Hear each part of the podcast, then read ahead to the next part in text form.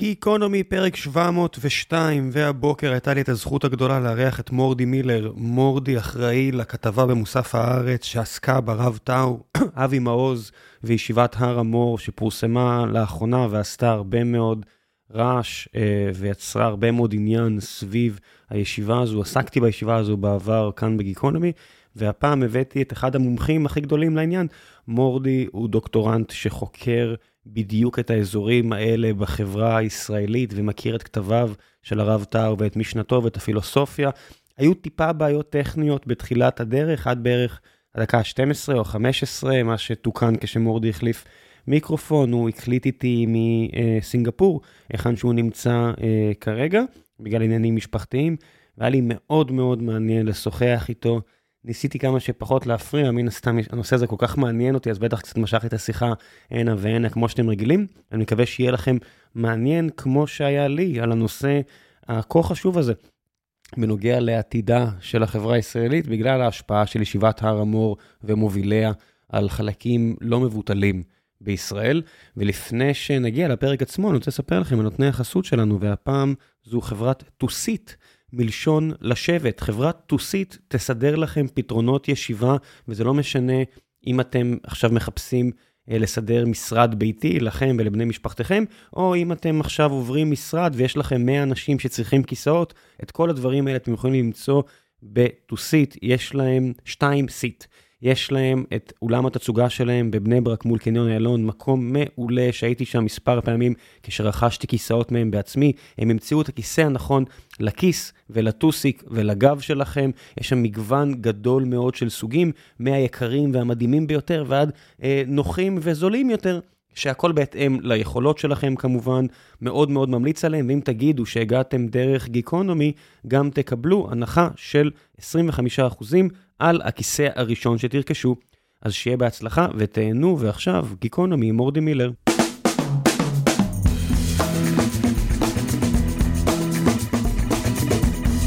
גיקונומי פרק 702, והבוקר או אחר צהריים עבור האורח שלי, טוב זה, יש לי את הזכות הגדולה לארח את מורדי מילר, דוקטורנט למחשבת ישראל מאוניברסיטת בן גוריון, שבכלל כרגע נמצא בצד השני של העולם, ובטח עוקב אחרי כל מה שקורה בפיסת גן העדן הקטנה והמשוגעת הזו בציון. בוקר טוב או צהריים טובים, מורדי מילר. בוקר טוב, צהריים טובים מסינגפור, תודה רבה על ההזמנה. מה אתה עושה בסינגפור? אמ, אז אני ממשיך לעשות את מה שעשיתי בישראל, אבל uh, באנו לכאן uh, בעקבות הזדמנות uh, תעסוקתית של אשתי, אז כן, מן הסתם אני כדוקטורנט פשוט ממשיך לעשות את מה שעשיתי מעמק רפאים בירושלים, uh, פשוט uh, בבתי הקפה פה, uh, לא מתלונן, מדי פעם מגיע לביקורים ועוקב בדריכות ובעניין אחרי מה שקורה בישראל, כן. כן, אתה פחות או יותר באחד מהמקומות הכי מעניינים מהבחינה הזו, כי אתה יודע, כשיש ציבור בארץ, עכשיו באמת כל הציבור בארץ, פחות או יותר לא חלק ממנו, כולם צועקים דמוקרטיה, דמוקרטיה, אה, בעוד שיש מקומות כמו סינגפור, שיש פחות דמוקרטיה, אבל יותר איכות חיים, אז כולם בסדר עם זה. זה מדהים איך שני הדברים האלה יכולים להחליף אחד את השני. כן, בהחלט אה, כשנמצאים פה, אז הפרספקטיבה קצת אה, משתנה. אה, בנוגע ל...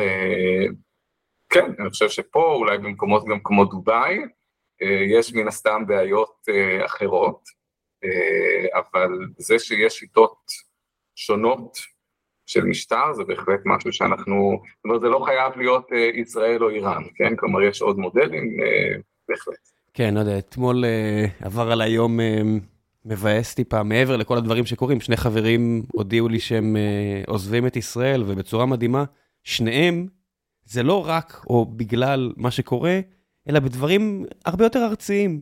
אחד, מערכת החינוך, פשוט מבאסת אותו יותר מדי ונורא קשה לו, אז הוא עוזב למקום טוב יותר מהבחינה הזו, ואני מודע לזה שהמקום השני באמת הרבה יותר טוב, והשני בגלל מחירי הנדל"ן, ושוב, סיבה מאוד ארצית, שגם בסינגפור מפריעה.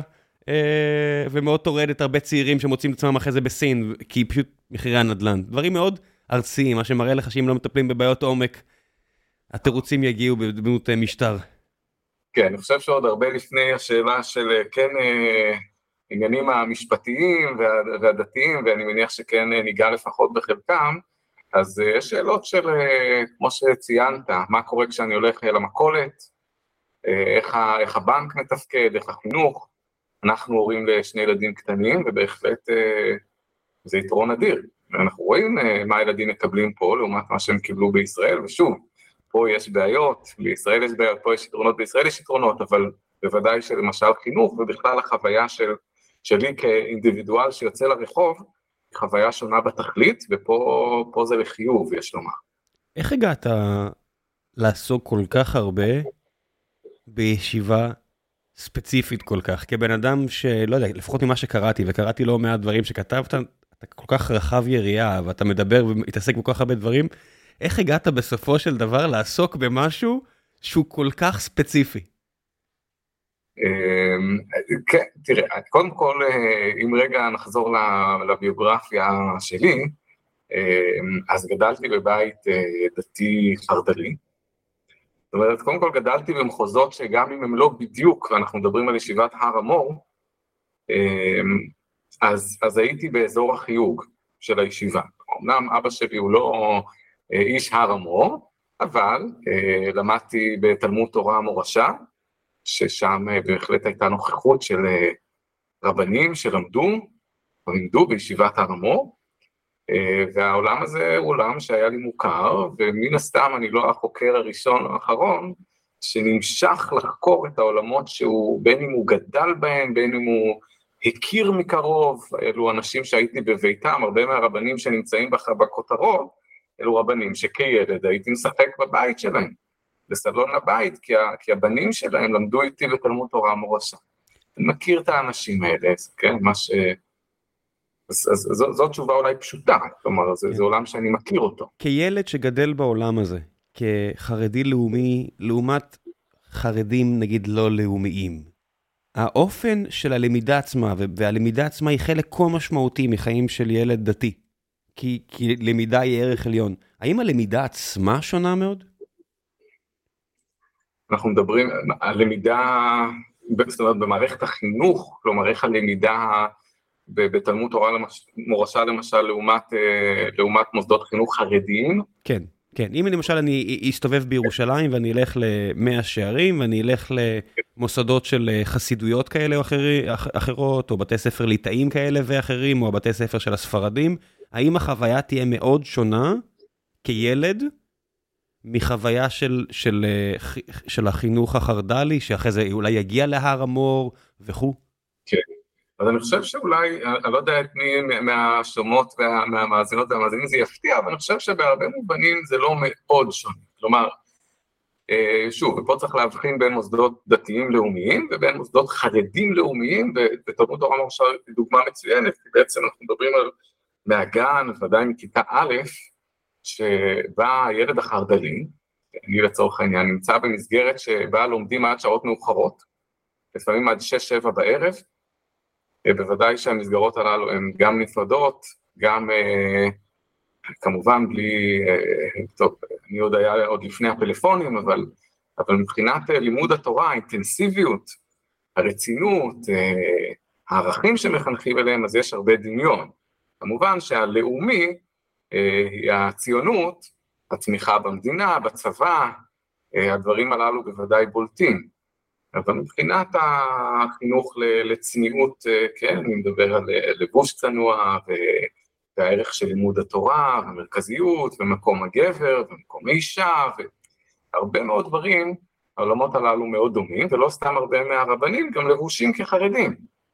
יש את האמירה הידועה של אחד מראשי הרבנים החרדים, הרב שטיינמן על הרב טאו, שהוא חרדי יותר מהחרדים וציוני יותר מהציונים. כן, אבל מה... את האמירה הזאת. רגע, אבל, אבל מה הכוונה אה, לבושים כמו חרדים? הרי חרדים זה, זה לא מקשה אחת, זה עולם שלם, מהשטריימלים ועד למעילים, זאת אומרת, הקפטנים וכל העולם השלם הזה. זאת אומרת, כשאתה אומר לבושים כמו החרדים, זה כמו זרם ספציפי בחרדיות? כמו ליטאים. כמו חרדים. הבנתי. כן, הרבנים שטרנברג, לא מזמן הרב מרדכי שטרנברג הלך לעולמו, אבל הרבנים שטרנברג, הרב טאו ואחרים שהם לומדים בהר המור בישיבות אחרות הולכים עם מגבעת, עם חליפה, אה, זאת אומרת, אם, אם, אם נניח אותם בתוך אה, המון חרדי ליטאי, לא נוכל להבחין ביניהם. לפעמים כשהם יסירו את המגבעת, אז נראה כיפה סרוגה שחורה, במקום כיפה שחורה, כיפת קטיפה. אבל מבחינת סדר היום, לימוד התורה, לימוד הגמרא, אז זה בהחלט לא סתם הרב שטרנברג שהלך לעולמו, זכה להערכה אדירה מתלמידי חכמים מהשורה הראשונה בעולם החרדי. וזה גם הולך לשני הכיוונים? זאת אומרת, יש הערכה לרב שטרנברג מצד העולם החרדי, והילדים שגדלים בחינוך החרד"לי, נגיד יגיעו אחרי זה להר המור, רואים כזה איזה חיים קנייבסקי או משהו כזה, ואומרים, וואו, זה גאון הדור וכאלה? בהחלט, בהחלט, כן, כן. צריך להזכיר שאם אנחנו כבר מדברים רגע, מגיעים למחוזות התיאולוגיים פוליטיים, צריך להזכיר שהרב טאו עצמו הצביע לפחות, אה, לפחות שלוש פעמים למפלגות חרדיות. זאת אומרת, רב שאם נכתוב, אה, אני לא יודע עכשיו מה מופיע בוויקיפדיה, כי הדברים הללו משתנים, אבל רב שהוא מרבני, מובילי הרבנים של הציבור הדתי-לאומי, מצביע למפלגות חרדיות. כמובן שבשנים האחרונות זה לא המצב, אבל יש כאן אמירה מאוד ברורה. ומה בעצם, ותכף נגיע למחקר שלך ואליך, אבל מה בעצם לקח את הציבור הזה מהמפלגות החרדיות אה, למפלגות הציוניות אה, דתיות ולליכוד? זאת אומרת, ראיתי אה, טענות טיפה מטופשות לעניות דעתי, אם יורשה לי להגיד, אבל הם אמרו, הנה, תסתכלו, אחוז החרדים בחברה הישראלית לא גדל, ולראיה... המנדטים של, אה, תסתכלו, המנדטים של המפלגות החרדיות לא עולות, בלי לקחת בחשבון שאפשר לחשוב שזה לא באמת מקשה אחת, המיליון נקודה שתיים, ומתוכם הציבור המצביע, גם מן הסתם מצביע גם למפלגות כמו הליכוד ובן גביר וסמוטריץ'. מה קרה אבל שיש פתאום את הזליגה הזו החוצה? זליגה של אנשי, אה, של אנשי הקו, כלומר אנשי כן, כן, הרב כן. טאו. כן, כי כמו שאתה אומר, הרבנים האלו הובילו בסוף את הציבור, גם בבחירה האישית שלהם, ובסוף הרב כן משפיע מאוד על הפוליטיקה של, אה, של העדה שלו, של החצר שלו, תלוי כל אחד והזרם שלו. אה, איך קרה שפתאום הוא עובר ממי שהכי חשוב לו זה השבת, למי שהכי חשוב לו זה דברים אחרים והשבת? כן. אז אני חושב שקודם כל צריך להגיד, האוטאו לא הצביע היסטורית מאז ומעולם לציבור החרדי, כלומר הנדידה אה, היא, גם הייתה נדידה להצבעה למפלגות חרדיות שכן עוררה אה, עניין בקרב רבנים דתיים לאומיים אה, שהביעו פליאה לדבר הזה, הרב זלמן מלמד ואולי אנשים גם כמו יואב סורק שראיתי שגם מתראיין פה כן, כן. לא מזמן, שבזמן אמת, מיד אחרי ההתנתקות, כשנודע שהרב טאו פתאום מצביע לש"ס, מאוד התפלאו, כלומר זה כן משהו שהיה בגדר חידוש, אמ, ו- ובפשוט אפשר להגיד שהרב טאו התאכזב מהחבירה הפוליטית לחרדים, כלומר הוא קיווה שהחרדים אה, יילחמו עבור אה, ערכים שהם לא רק שבת, שבת אתה צודק בוודאי, הסוגיה הלהט"בית שאפשר יהיה לגעת בה, אה, הכותל המערבי, אה, היחס לרפורמים, מקומם של הרפורמים, אה, מוסד המשפחה ועוד כמה, אה, הצבא, שירות נשים בצבא, בוודאי שירות קרבי של נשים בצבא, כל אלו, אלו עניינים שבעיני הרב טאו הם זהותה היהודית של המדינה, נשמת המדינה, נלחמים על הנשמה, על הזהות היהודית של המדינה, והוא ציפה שהחרדים יהיו בני ברית, והם לא היו בני ברית. אפשר גם לדבר על זה. מורדי, למה דווקא... אלה הנושאים. זאת אומרת, אם אדם מן היישוב ייקח ספר תלמוד, ספר גמרא, ויעלעל בו, יראה כן. שיש דוגמאות לרבנים אה, מחכמי הקנון היהודי, שעוסקים בעניין של מותר להסתכל באישה, יש אנשים שאומרים שאסור להסתכל ב... על אישה, יש איזשהו פסיק קטן שקשור לשירת נשים, והוא לא איזה חלק משמעותי מהגמרא היהודית. יש כל כך הרבה דעות מנוגדות, כל כך הרבה תכנים שם. איך קרה שבמאה ה-21, או המאה ה-20, והמשיך על המאה ה-21, הנושאים הספציפיים שציינת, להט"ב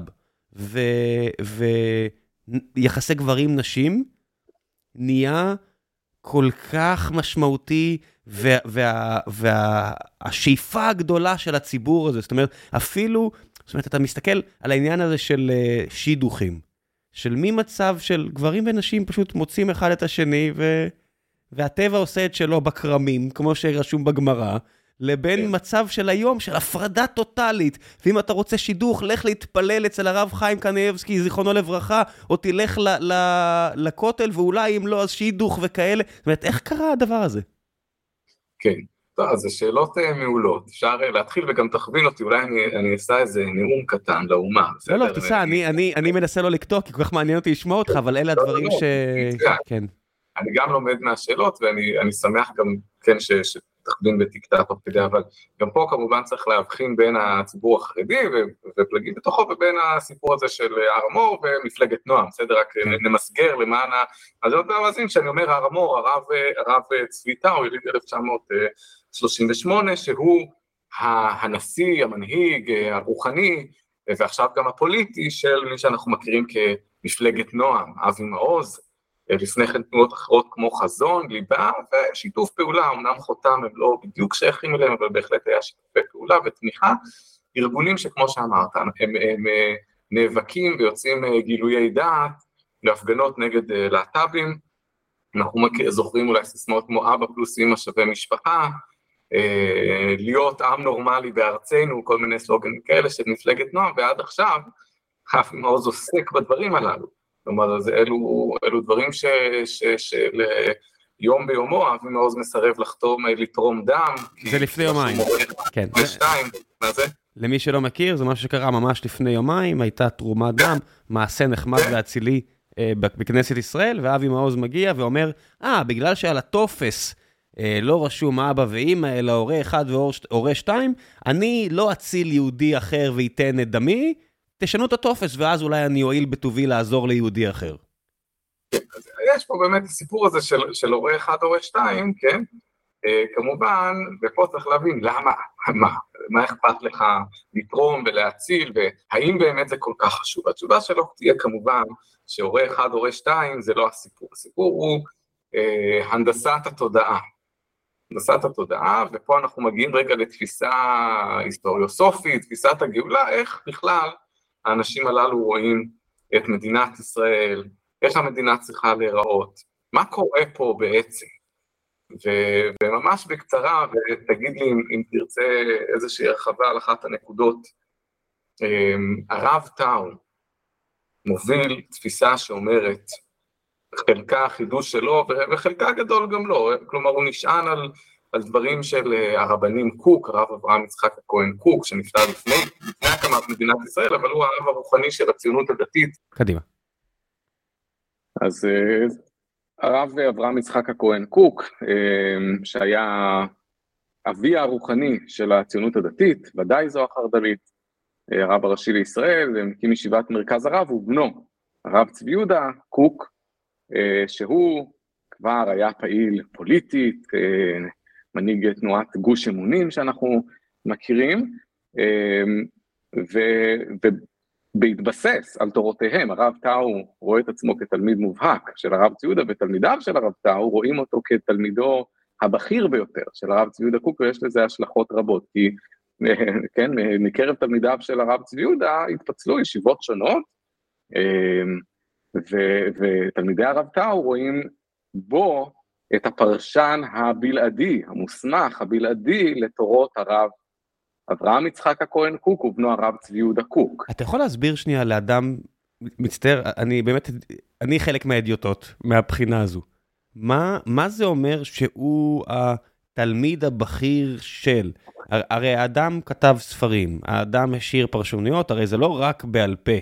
אה, יש, מה זה, מה זה נותן לי מבחינת היוקרה או מבחינת החלוקה בציבור, שאני הוא התלמיד הבכיר של, שהוא היה התלמיד הבכיר של, זאת אומרת, מה זה, זה כאילו שרשרת שמגיעה עד למשה רבנו, וזה, וזו היוקרה? מה, מה, מה קורה פה? כן. אז קודם כל, כשאמרת השרשרת שמגיעה למשה רבנו, אתה כיוונת ל... אכן, ואחת ההשלכות של הדבר הזה זה שכן, יש שלשלת מסירה. ממשה רבנו, אנחנו מכירים את המשנה הפותחת במסכת אבות, משה קיבל תורה מסיני, כן. הוא מסרה, אז שם מתחילה שרשרת, ואחד הרבנים של, של הקו, כן, של האנשים שממשיכים ואוחזים בדרכו של הרב טאו, הוא המשיך את המשנה הזו, אמנם בחצי הלצה, אבל בוודאי שיש מאחוריה אה, איזושהי רצינות, איזושהי אמונה בכך שמשה קיבל תורה מסיני ומסרה ליהושע, יהושע לשופטים, כן, וכן הלאה וכן הלאה, לנביאים, לאנשי כנסת הגדולה, והם מסרוה. אז, אז יש שרשרת מסוימת, זה, זה, זה עובר דרך הגאון מווילנה, וממשיך לתלמידיו, ומגיע לרב קוק האב, ומגיע לרב צבי יהודה, ומגיע לרב טאו, כלומר יש כאן איזושהי מפה מסוימת, מפתח, שדרכו אפשר, עכשיו התורה של הרב קוק זה לא רק, כן, הלכות, איך אני מכשיר את המטבח, זה איך אני מפרש את ההיסטוריה, איך אני צריך להתנהג פוליטית, איך אני צריך להבין את מה שקורה סביבי, איך אני מבין מה שקרה, איך אני מבין מה שקורה, איך אני מבין מה שיקרה, ולכן מי שיודע כיצד הגאולה מתקדמת, קודם כל אלו יחידי סגולה, ויש מי שגם מוביל את אותם יחידי סגולה בכל דור. והמשמעות של זה, זה לא רק האדם ש... כן, אולי במקומות אחרים, בבתי מדרש אחרים, יודע הכי טוב ללמוד גמרא, אלא האדם שיודע להגיד לנו מה בעצם מסתתר מאחורי מה שאנחנו קוראים בחדשות, ולאן צריך להוביל את מדינת ישראל. ולכן, אם יש כמה רבנים שאומרים שכן צריך להפגין או לא צריך להפגין, כן צריך משרד כזה, לא צריך משרד כזה, אנחנו מצייתים לרב טאו. אז זה עושה לי כל כך אה, עקצוצים בגוף, ואני, אתה יודע, הנטייה הטבעית שלי היא להגיד, מה, מה זה הדבר הזה, איך יכול להיות הערצה עיוורת על אדם אחד? אבל זה תהיה תמימות, כי לראות את זה, אתה יודע, אתה יכול לראות את זה בציבור הימני בישראל, שהמליך את בנימין נתניהו ומתייחס אליו באותה צורה של האדם עם התשובה. ומתייחס אליו, אם ביבי אומר, אם ביבי אומר שצריך שתי מדינות, אז צריך שתי מדינות. אם ביבי אומר שצריך מלחמה, אז צריך מלחמה. ובציבור, בצד השני, אתה יכול למצוא מספיק אנשים, פשוט הם שם מבליחים ונעלמים. במקום שאין אה, תלם שהוא מספיק עמוק, שמוביל לאדם אחד, אז יש כל מיני הבלחות של אנשים שהם נביאים מקומיים, ואז מעלימים אותם, ככה זה בדרך כלל בעולם גם בשמאל. אבל העניין הזה של. הציבור הדתי היהודי, שיש את השרשרת הזו, ואז יש את האדם המסוים שהולכים אחריו, הוא כל כך זר לי ומסקרן אותי, זאת אומרת, מה שהכי מסקרן אותי זה איך האנשים, האם האנשים האלה, בינם לבין עצמם, לא שואלים את עצמם, מה, אני באמת, איפה, איפה האימפוסטר סינדרום? זה כמו שאני אומר, לא יודע מה, איפה, אתה יודע, אני בטוח שזה גם קורה למנכ"לים גדולים שבטוחים שהשמש זורחת להם מהכוזם, ואני אומר, איך הם אומרים לעצמם, מה, באמת אלוהים מדבר דרכי? זאת אומרת, האם האפיפיור באמת מאמין שמועצת הבישופים בחרה בו בניגוד לסתם, אתה יודע, אלוהים בחר בו לעומת מועצת הבישופים? אתה יודע, תמיד אני לא מצליח להבין את זה. אה, אוקיי, אני, אנסה רגע להגיב לדברים שאתה אומר, כי בעצם, אני רוצה, אני רוצה להוסיף, להוסיף פה מורכבות לעניין הזה, ולהגיד, שמה הופך את זה לכל כך, הרי כמו שאתה, אנחנו מסתכלים על התלמידים שסביבו, יש חלקם אנשים שהם בכירים בצבא, במערכת החינוך, פחות באקדמיה, גם על זה אפשר לדבר, למה לא? כמובן כי יש איזושהי התנגדות עקרונית, ודאי למדעי הרוח והחברה באקדמיה, אבל כן, במקומות שנמצאים אנשים שאפילו נעים יהיה ומעניין יהיה לדבר איתם. אז מה קורה פה? אז קודם כל, אה, אה, מבחינה עובדתית, חלקם יטענו, אני, אני לא, בוודאי לא יכול לאשש או להפריך את הטענה, שהם שמעו את הרב צבי יהודה עצמו ממליך את הרב טאו. כלומר, הרב צבי יהודה עצמו, שהיה מנהיג בלתי מעורער, לפעמים יש כל מיני עדויות של, של אותם אנשים שאומרים, אנחנו היינו שם, אנחנו ראינו, ואת הרב טאו העריך יותר מכולם. ובשאלות של מה שנקרא הלכות ציבור, כן, כלומר להבין את ענייני השעה, ענייני הפוליטיקה, ענייני הגאולה, הוא הפנה לרב טאו. לפעמים הוא לא היה מתחיל שיעור או תפילה בלי שהרב טאו יהיה נוכח, וכן הלאה. אז אומרים, אם הרב צבי יהודה אמר, אנחנו סומכים על הרב צבי יהודה, בוודאי שהרב טאו הוא המוסמך. עכשיו, אה, אה, אה, יש איזושהי, לא יודע, זה גיאוגרפיה כזו כבר, סיפורי מופתים וניסים ונפלאות סביב ידענותו של הרב טאו, גם בתורת הרב קוק, אדם שאכן כנראה שנים רבות מדקדק בכל מילה, בכל תו, בכל אות מכתבי הרבנים קוק. ו... ותלמידי הרב, הרב צבי יהודה חלקם, חלק מהבכירים שבהם רואים בו אכן את מי שנאמן לפרש אותו, ו- והוא נבחר, הוא הפך להיות המומחה, אנחנו יודעים, יש מומחה, יש רופא מומחה, יש מישהו שהוא, כולם סומכים עליו, כן, זה יכול להיות קשור גם קצת לאישיות שלו. כן, כן, ההשוואה הזאת פחות תקפה, כי רופא מומחה, אתה יודע, זה בדרך כלל המומחיות היא, אני אונקולוג זרת, ואני אורתופד, אורתופ, אורתופד שוקית, נכון. וזה לא פה אדם אחד שהוא מומחה להכל. נכון. ויש משהו אחד שאמרת שמעניין אותי, זה עניין של המופתים. זאת אומרת, אם דיברנו על, הרב חיימקה, אה, זיכרונו לברכה, כמו שידוע בירושלים, היו קשור, קשורים אליו מוטות ומופתים, אנשים, אתה יודע, שרצו שידוך, היו הולכים אליו כדי לקבל ברכה, ואתה יודע, כמה חודשים אחרי זה יש שידוך. אה, האם גם בר... סביב הרב טאו יש מיסטיקה כזו? אז המופתים של הרב טאו קשורים ב... ביכולת שלו אה, לראות נכון, לנתח נכון את המציאות לפני כולם. כלומר, אם נקשיב לאבי מעוז ולאחרים היום, הם יגידו, כבר לפני עשר שנים הרב טאו ראה את מה שקורה היום. הרב טאו ניתח, הוא ידע מה, מה, מה, מי הוא באמת נפתלי בנט, לפני שכולם ידעו. הוא ידע באמת מה הפוסט-מודרנה תחולל, הוא ידע לאן מדינת ישראל הולכת, והרי לכם הראייה. אז אלו המופתים, כלומר, אדם שאכן יודע איך הגאולה מתקדמת, או מהם המחסומים בדרכה של הגאולה, יותר טוב מכולם. הוא, הוא מיטיב לראות, יש גם מופתים אחרים שקשורים לידענותו המופלגת אה, בפילוסופיה כללית. אה, שוב, קשה לדעת מה, מה פה בדיון ומה המציאות, אבל הרב טאו כמי שגדל בבית אה, דובר גרמנית, אחותו הרי אה, יש לו שתי אחיות שהן אה, אקדמאיות, כן, עם אחת מהן גם אני בקשר, פרופסור אבלין גודמן טאו, אז הוא גדל בבית אומנם דתי, מאוד ליברלי, אז הוא קורא בוודאי בעוד שפות, והוא קיבל חינוך אירופאי קלאסי, ואומרים, בביתו יש ספרי אה, פילוסופיה בשפות שונות. אני עצמי, כשהלכתי לשמוע אותו בביתו, אז אני זוכר שאכן בשירותים היו תמיד מונחים ספרים שם, קצת אה, ספרים... אה, מה, יש ניטשה בשירותים? מה, מה הכוונה? מה יש? יש ניטשה בשירותים? כה אמר זרטוסטרה מחכה ליד ה... יכול להיות, יכול להיות. כן, זה, זה לא משהו שיפתיע אותי. הוא באמת יישב על, על ספתו בסלון שלו ויבלה כמה שעות בקריאת פילוסוף גרמני מהמאה ה-19?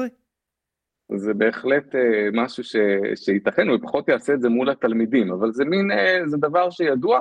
הרב טאו עצמו מוצג על ידי תלמידיו, אם נקשיב לרבנים מבחינת עלי ואחרים, הם יגידו, הרב טאו לא רק מיטיב לראות את, את, את, את כן, את, לפענח את מפת הגאולה, אלא הוא גם מומחה גדול בהוויות העולם, בפסיכולוגיה, בפילוסופיה, הוא באמת גאון אדיר ב, בעולמות הללו. גם אני בוודאי לא צריך לשוחח איתו וצריך מומחים שיאמתו את הדברים, אבל בוודאי שהוא מתעניין, בוודאי שהוא קורא, עד כמה הוא קורא דברים עדכניים, האם הוא, אה, כן, מה, מה, מה רמת ההבנה שלו בזה? זה לא בא לידי ביטוי בשיעורים בוודאי. מדובר על אדם לא בן 85 גם.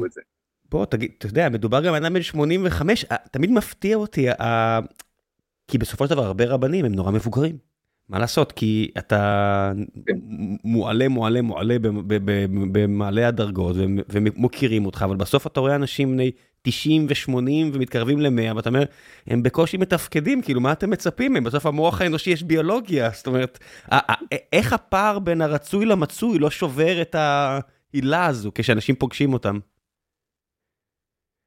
אז אם תוכל לחדד את הנקודה הזאת בסוף, של, הגיל, שמה... אתה יודע, אני, בית... אני כן. שומע על uh, גאון הדור והכל והכל, ואז אני אגיע ואני אראה אדם בן 85-90, אתה יודע, יצא לי לפגוש נגיד את שמעון פרס בערוב ימיו. בסדר, האיש כבר פחות חד, מה לעשות, זה ביולוגיה. אתה לא תהיה חד בגיל 90 כמו שהיית בגיל 40, בשיא שכלך וניסיונך בחיים, מה לעשות? אז אתה חייב ליישב את זה בראשך כאדם חושב ולהגיד, אוקיי, הוא בן 90, כבר אמצע היום, הוא כבר עייף, הוא כבר לא יכול זה. איך התלמידים שלו לא מתאכזבים מאוד כשהם מדברים איתו היום, נגיד? או, שזה, או שאני טועה לגמרי. לא, אני, אני לא חושב שיש כרגע, אם אנחנו נדבר רגע על מצבו הקוגנטיבי, כן, מבחינה בריאותית של הרב טאו, אה, אה, סימנים לאיזו היחלשות אינטלקטואלית, אני כ... היום כמי שעוקב אחרי כל ה... כן, ההרצאות ושיחות שהרבה מהן מתועדות בדרכים שונות, יכול להיות ש... שכן יש משהו ש... שנחלש שם, יש איזשהו נאום מסוים שאני יכול לחשוב עליו ש... שחשתי שם באיזשהו בלבול, יכול, טבעי, אבל... מה לעשות, טבעי. יש איזה... כן, יש, אבל, אבל לא הייתי אומר שיש כרגע איזה משהו מובהק שאומר, טוב, אתה יודע, אומרים על, על הרבי מלובביץ', בשנותיו האחרונות כבר, אתה יודע, זה לא אדם שהכירו חסידיו, הרב טאו עדיין לא שם, הוא בוודאי מתבטא בצורה צלולה ובהירה, גם אם אפשר להיזכר באפיזודות מקומיות. יש לו כבר יורש? זאת אומרת, בגילו, השאלה הבאה תהיה, ואז נחזור אחורה לאיך אתה הגעת לשם ולכל השאלות האחרות. ואולי גם כן נחזור קצת, אני מרגיש שאולי גם כדאי בכל זאת שנייה לסיים, אולי תכף את התפיסה הפילוסופית, ההיסטוריוסופית שלו, כן, כדי ש... אז רק שאלה אחת קטנה. התחלנו לגעת. אני יודע, ואז נחזור. יש לו יורש היום? שכמו שאתה אמרת שהוא היורש של הרב אהרון קוק, שהוא היורש של והיורש של והיורש של, מי היורש של הרב טאו? כן, הרב אברהם יצחק הכהן קוק, בנו הרב צבי יהודה, הרב טאו. יורש, כיום אין יורש אחד מובהק, יש אנשים שאני יכול לחשוב עליהם כעל יורשים.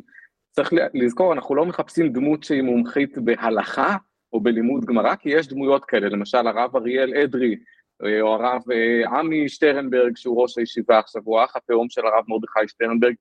אלו דמויות שיכולות להיות מאוד מרשימות מבחינה הלכתית, ותל... כן, ומבחינת לימוד גמרא. אנחנו מחפשים מישהו שמתבטא בענייני השעה, כן? מישהו שיודע, עוסק במה שקראנו לו קודם, הלכות ציבור. וכאן יש דמויות אחרות.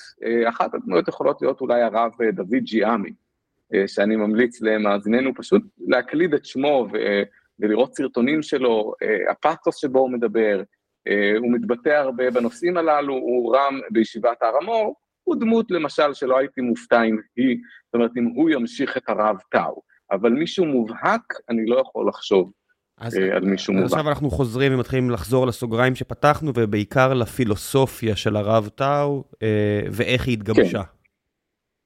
כן, אז רגע נחזור, אז דיברנו על כך שהוא נשען על הרבנים קוק, ורואים במדינת ישראל ראשית צמיחת גאולתנו, ולאותה גאולה צריכה להיות גם תכלית. לאן, לאן אנחנו, מה היה, כן, מה הטלוס, מה, לאן אנחנו הולכים? והתשובה היא שלגאולה יש שלבים, שני שלבים. שלב החומר, שהוא השלב של הציונות החילונית, שהחלה כבר עם התעוררות הציונות עוד לפני הקמת מדינת ישראל. למה פתאום יש התעוררות של לאומיות?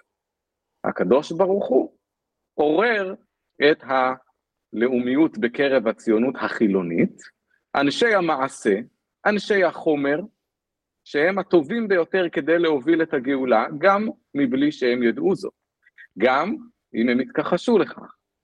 אז מה אם הוא לא מאמין באלוהים? אז מה אם הוא לא שומר תורה ומצוות? הוא כרגע מקים את הבניין החומרי של מדינת ישראל, שלב החומר,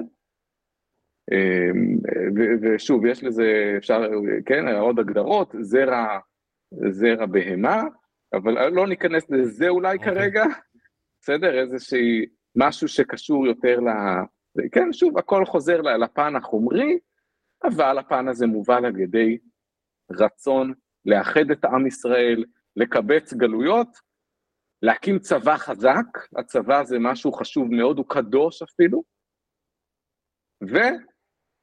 ולהכשיר את הקרקע לשלב השני, שהוא השלב הסופי של הגאולה, שאנחנו מחכים לו, שלב הנשמה, השלב שבו החומר לא מתמוטט, הבניין נשאר, נכנסים הדיירים, כן? הם הכינו את הקרקע, יש מערכות שלטון, יש uh, מיסים, יש צבא, יש תחבורה, ועכשיו הגיע הזמן שעם ישראל יחזור למהותו הפנימית. וכאן זה עוד מונח יסוד, האני הפנימי, האני האמיתי, האני העצמי, לחזור לעצמיות שלו, עם ישראל יגלה שהוא בעצם רוצה לחיות חיי תורה ומצוות, לאומיים, החרדי הלאומי.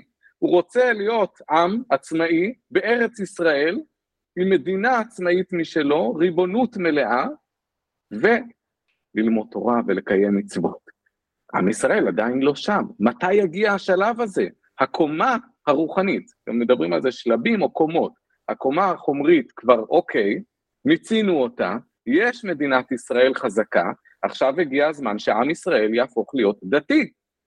כלומר, הנשמה תיזרק בגבייה. הגוף מחכה לנשמה. הנשמה היא הדת. מה קורה? אז הרב קוק עדיין לא חי בתקופה שבה צריך היה לעבור לשלב השני. כל הדברים האלה שאמרת של... עכשיו, אה, זה, יש כן. איזה סימו, תימוכין או סימוכין כלשהם בגמרא, כן. או שזה פשוט 아, אה, ככה נראה לי וזה מה שבא לי? לא, אז, אז קודם כל הדברים הללו כן, אה, תראה, כשאומרים תימוכין, אפשר לדבר על, אה, על טקסטים אפילו מקראיים, על חזון אה, העצמות היבשות של יחזקאל, שמדבר על איזושהי תקומת אה, המתים, שהיא הדרגתית, אז קודם כל העצמות נאספות, ואז הקומה הולכת ומתרוממת, ובסוף באה הנשמה. יש איזושהי, הרבה נזקקים לאותו חזון עצמות יבשות, ואומרים, עם ישראל, כן, הוא, העצמות היבשות זה עם ישראל בגלות, הן נאספות, כלומר מגיעים כולם לארץ ישראל, הגוף עומד, יש אה, עור וגידים, ועכשיו הגיע הזמן לנשמה, כמו אותן, אה, אותם מתים בבקעה שיחזקאל אה, מקבץ, אז עכשיו הגיע התור של עם ישראל לקום מן המתים, כלומר לקום מן הגלות. הגלות היא, היא מוות. מוות חומרי, מוות רוחני, ועכשיו כבר מחכים שהדבר הזה יקרה, שעם ישראל לא יהפוך להיות דתי, אלא ישוב להיות דתי. וזה דבר חשוב, זה חילוק חשוב, כי עם ישראל הוא רוצה הנשמה היהודית שמפעמת בלב כל אחד ואחת, רוצה להיות דתית. היא לא יודעת את זה. יש השפעות זרות, נגיע לזה עכשיו. אנחנו צריכים לעורר את הרצון הפנימי הזה, שאנחנו מכירים אותו ויודעים אותו, כי הרב טאו מגלה לנו את הדבר הזה. אבל המושג דתי עכשיו, כן. הרי כן. הוא משהו שהשתנה ותלוי גיאוגרפיה ותלוי חצר ותלוי חסידות ותלוי תפיסה לאורך האלפיים או 1800 או 1900 שנים האחרונות וכמו שאמרתי בגמרא יש סיפורים על נשים וגברים בכרם שמוצאים אחד את השני ויש סיפורים אחרים. איך הגענו לתפיסה שיש סט מסוים של הנחות מאוד מאוד ספציפיות שהן subset של הגמרא. זאת אומרת איך זה נהיה העולם הדתי היהודי ורק זה. אוקיי, okay, כן, אז זו גם שאלה היסטורית מעניינת בעצם איך נוצרה האורתודוקסיה, נכון? כאיזושהי תנועת, אה, כמה שאנחנו מכירים היום. בוודאי שאנחנו, אני ואתה, מדברים מתוך איזושהי תודעה היסטורית וביקורתית מסוימת, אבל צריך להכיר בזה שהיום העולם החרדי וגם העולם החרד"לי, לא, הנרטיב שלהם הוא שונה מאוד. זאת אומרת, האמירה היא שהם ממשיכים את, את היהדות, שלא, זאת התורה לא תהא מוחלפת. כלומר, אותה תורה היא אותה, היא אותה תורה במשך השנים, ו, ו, והיא האותנטית ביותר. אני ואתה מסתכלים ואומרים, יש לנו ממצאים היסטוריים, ו, ו, ויש לנו ראייה הרבה יותר ביקורתית, אבל מבחינת הרב טאו, וגם, והרבה מאוד רבנים היום, הרב טאו לא מתייחד בזה. הדרך ההלכתית של השולחן ערוך היא הדרך היהודית המקורית, האותנטית, תמיד מדברים על עם ישראל על, על אלפי שנים, אנחנו ממשיכים אלפי שנים. הם לא רואים בזה חידוש. כן, אבל, אבל אני לא הלכתי לאיזושהי חשיבה... אל היהדות המקורית. לא הלכתי לאיזה אקדמאי גרמני שחוקר, אמרתי, בתלמוד עצמו, בגמרא, אין דרך אחת. אין סט חוק, חוק אחד מסוים, זאת אומרת, עד הרמב"ם, אין, אין אמת אחת. יש כל מיני דעות שם. התשובה תהיה, כן יש אמת אחת. אלו ואלו דברי אלוהים חיים, והלכה כבית הלל. אין בעיה, אנשים יכולים להביע את עמדתם בגמרא, יש מקום לשיח, אבל בסוף יש הלכה מסוימת שצריך ללכת על פיה, בסוף יש אמת אחת, בתוך האמת יכול, זאת אומרת לאמת יש גבולות גזרה, יכולים להיות בתוך גבולות הגזרה ההלכתיים, אתה יודע, נוסח תפילה של נוסח יותר אה, חסידי, נוסח של אה, עדות המזרח, אבל יש גבולות גזרה, יש אמת, והיא לא משתנה, והיא נצחית, וצריך לגלות אותה. עכשיו, אם אני, ומה שאתה שואל זו שאלה מעולה, כי בעצם חלק מהוויכוחים ש, הדתיים ש, שעלו מאז שהרב טאו אה, הפך להיות מישהו, הם איך קוראים את התנ"ך, איך קוראים את התלמוד. אז למשל, במקומות דתיים מסוימים, כמו מכללת הרצוג, במקומות אחרים, קראו את פרשיות התנ"ך, קראו את פרקי התנ"ך, ודיברו גם על חולשות של גיבורי התנ"ך. הרב טאו מאוד לא אהב את זה. קראו לזה תנ"ך בגובה העיניים. האם דוד המלך הוא חבר שלך? הוא אדם כמוך, שאתה יכול לשפוט אותו? כי אני ואתה קוראים את התנ"ך, אז כמו שאתה אומר, אנחנו רואים פתאום מה בנות ישראל מחוללות בכרמים, קוראים את הדברים כפשטם. הרב טאו אומר לא, יש דרך מסוימת שבה צריך לקרוא את הדברים, שבה יש לראות את הדברים על פי הפרשנים המקובלים שלנו.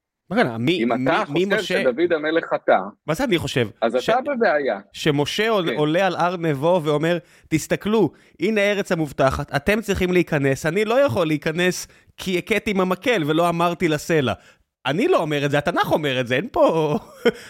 הפגמים הם ממשה נכון. ומטה, זאת אומרת, אין מושלמים בעולם הזה. אבל, אבל לא סתם בישיבות לא כל כך לומדים תנ"ך, בהרבה ישיבות בכלל לא לומדים תנ"ך. התנ"ך כפשוטו הוא באמת אה, טקסט שעלול להציב בעיות. ולכן צריך לקרוא את התנ"ך, שוב זה לא, לא עמדתי כמובן, כן. אלא האמירה היא שצריך ללמוד תנ"ך, ופה שוב הרב טאו לא שונה מהעולם החרדי ומחלק מהעולם הציוני דתי. צריך לקרוא את התנ"ך במשקפיים מסוימים, אה, בתיווך של הגמרא, בתיווך של, של הראשונים והאחרונים, ו- ו- ולנסות להבין למה באמת הכוונה. מה באמת היה שם? ההנחה היא האבות למשל, אברהם, יצחק ויעקב, הם מרכבה לשכינה, הם קדושי עליון, שבטי ישראל הם קדושי עליון. איך הם זרקו את יוסף לבור? איך אנחנו פתאום אה, רואים כל מיני דברים שנראים אולי כניאוף וזנות, ו... אוקיי, אז יש הסברים, יש פרשנות. מה שנראה לנו, וזה קשור בדיוק לסיפור הזה שיש מציאות מרובדת. גם הטקסט מרובד, הפשט עצמו לא מספיק. מה שאתה רואה בחדשות, זה מה שאתה תופס בחושים. מה שאתה קורא בתנ"ך, אתה קורא עוד בגובה העיניים של מורדי. גובה העיניים של מורדי זה עיניים של מה שהם קוראים גמדים. אנחנו, ככה הם אומרים, אנחנו בני אדם גמדים, ולכן אנחנו נזקקים למבט של הרב טאו. זה מבט בהיר, זה מבט אחר, זה מבט שאנחנו צריכים שהוא יחזיק לנו את היד וייקח אותנו במשעולי התנ"ך, במשעולי החדשות. זה, זה חלק, זה חלק מעניין אחד, כן? כלומר, השאלה שלך מחזירה אותנו לסיפור הזה שחייבים כאן הדרכה, וחייבים, כל הזמן מדברים על משקפיים של גאולה. אם אני בלי משקפיים, אני לא רואה. הראייה שלי מטושטשת. צריך משקפיים. עין בעין יראו, פסוק שמאוד אוהבים. העין האנושית, מה זה עין בעין? העין האנושית, צריך להכווין אותה לעין האלוהית. מי יכול לעשות את זה? לא כל אחד. אני יכול לשאול שאלה... אל תגיד לי בתנ"ך, אה, כתוב. טיפה קנטרנית. אני אגיד לך למה הכוונה. כן. אתה יודע, אני, אני רואה את אבי מעוז, וקראתי את הכתבה, הטקסט הנהדר שלך במוסף הארץ, ונראה שהאיש, מעבר להערכתו ואהבתו אה, לרב טאו, הוא אוהב את בנימין נתניהו. ממש, הוא, הוא כמעט מעריץ את בנימין נתניהו. האם בנימין נתניהו הוא עדיין כלי עבורו לעבר הגאולה? כי זה לא מרגיש ככה, זה מרגיש כאילו בנימין נתניהו זה הדבר האמיתי. מצד שני, בנימין נתניהו אוכל שרצים, מניח שלא שומר שבת, או יודע שלא, שלא שומר שבת, לא נראה האדם הכי מאמין, מדבר סירה בחרדים רק לפני שנה-שנתיים אצל ג'ורדן פיטרסן. זאת אומרת, איך אה, סוגרים את ה... זאת אומרת, האם הוא עדיין רק כלי בדרך? או שהאהבה וההערצה עליו סגרה את הפער, וזהו, הוא משיח בן יוסף, משיח בן דוד, תבחרו איזה בית שאתם רוצים. אוקיי, okay, מעולה. אתה, אתה מוביל אותנו לנקודות קריטיות ש, שאני רוצה להרחיב עליהן. אם כן, תרשה לי, רק בשביל שנסיים, ואז מיד הדבר הבא יהיה בנימין נתניהו.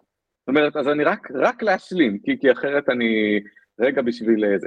אז, אז, אז, אז יש את הסיפור של הגאולה, שלב החול, שלב הקודש, בא הרב טאו ואומר,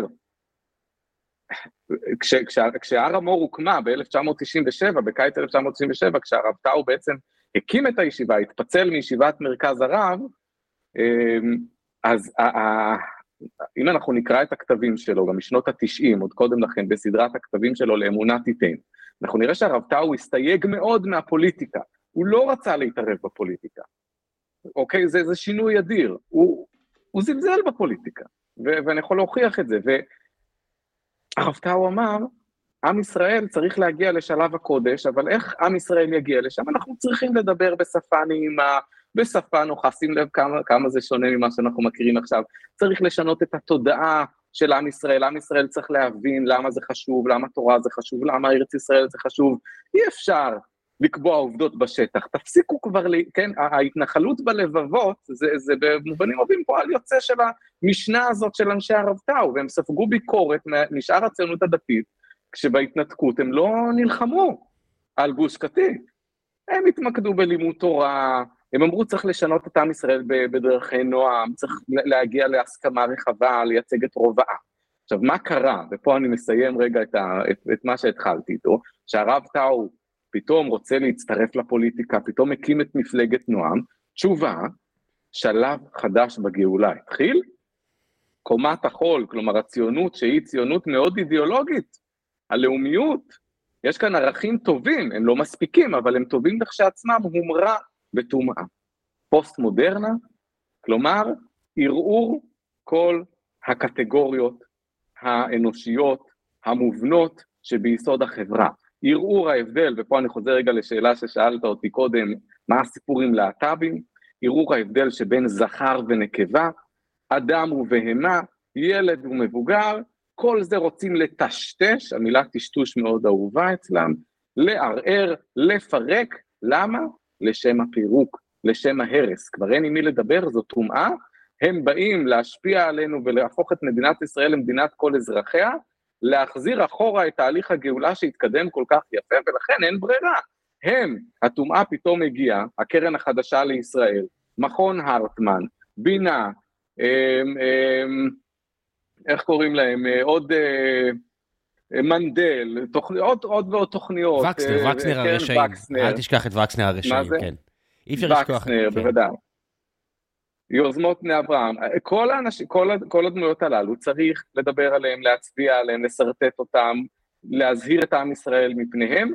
עם ישראל כבר כיוון שבליבו פנימה הוא, הוא שואף להיות עם של תורה ומצוות, ברגע שנציג לו את הנתונים, ששוב, רק הרב טאו ותלמידיו רואים, כי הם מיטיבים לראות, אז עם ישראל יתעורר ויתקומם ויתנגד, ולכן עכשיו הגיע השלב אחר במאבק. זה כבר לא לעבוד על התודעה, אלא צריך לזעזע, צריך לדבר בשפה לפעמים בוטה, לגרום לאנשים להיבהל, צריך להיות פוליטיים, צריך להילחם גם באמצעות חקיקה, ולכן אבי מעוז, ולכן הנאומים שלו על הנדסת התודעה, ו- ו- ו- ואנחנו בעידן חדש, אומרת, זה לא הרמור שהכרנו, זה משהו אחר לגמרי. תיאולוגית, מורדי, הם, וסלח לי השאלה, כי אני באמת לא, לא בעולם הזה, הם זה השטן? זאת אומרת, מאחורי הם יש ישות אה, שמכוונת לכיוון אחר, או שהם זה ערב רב שרק לא רוצה יהודים טובים?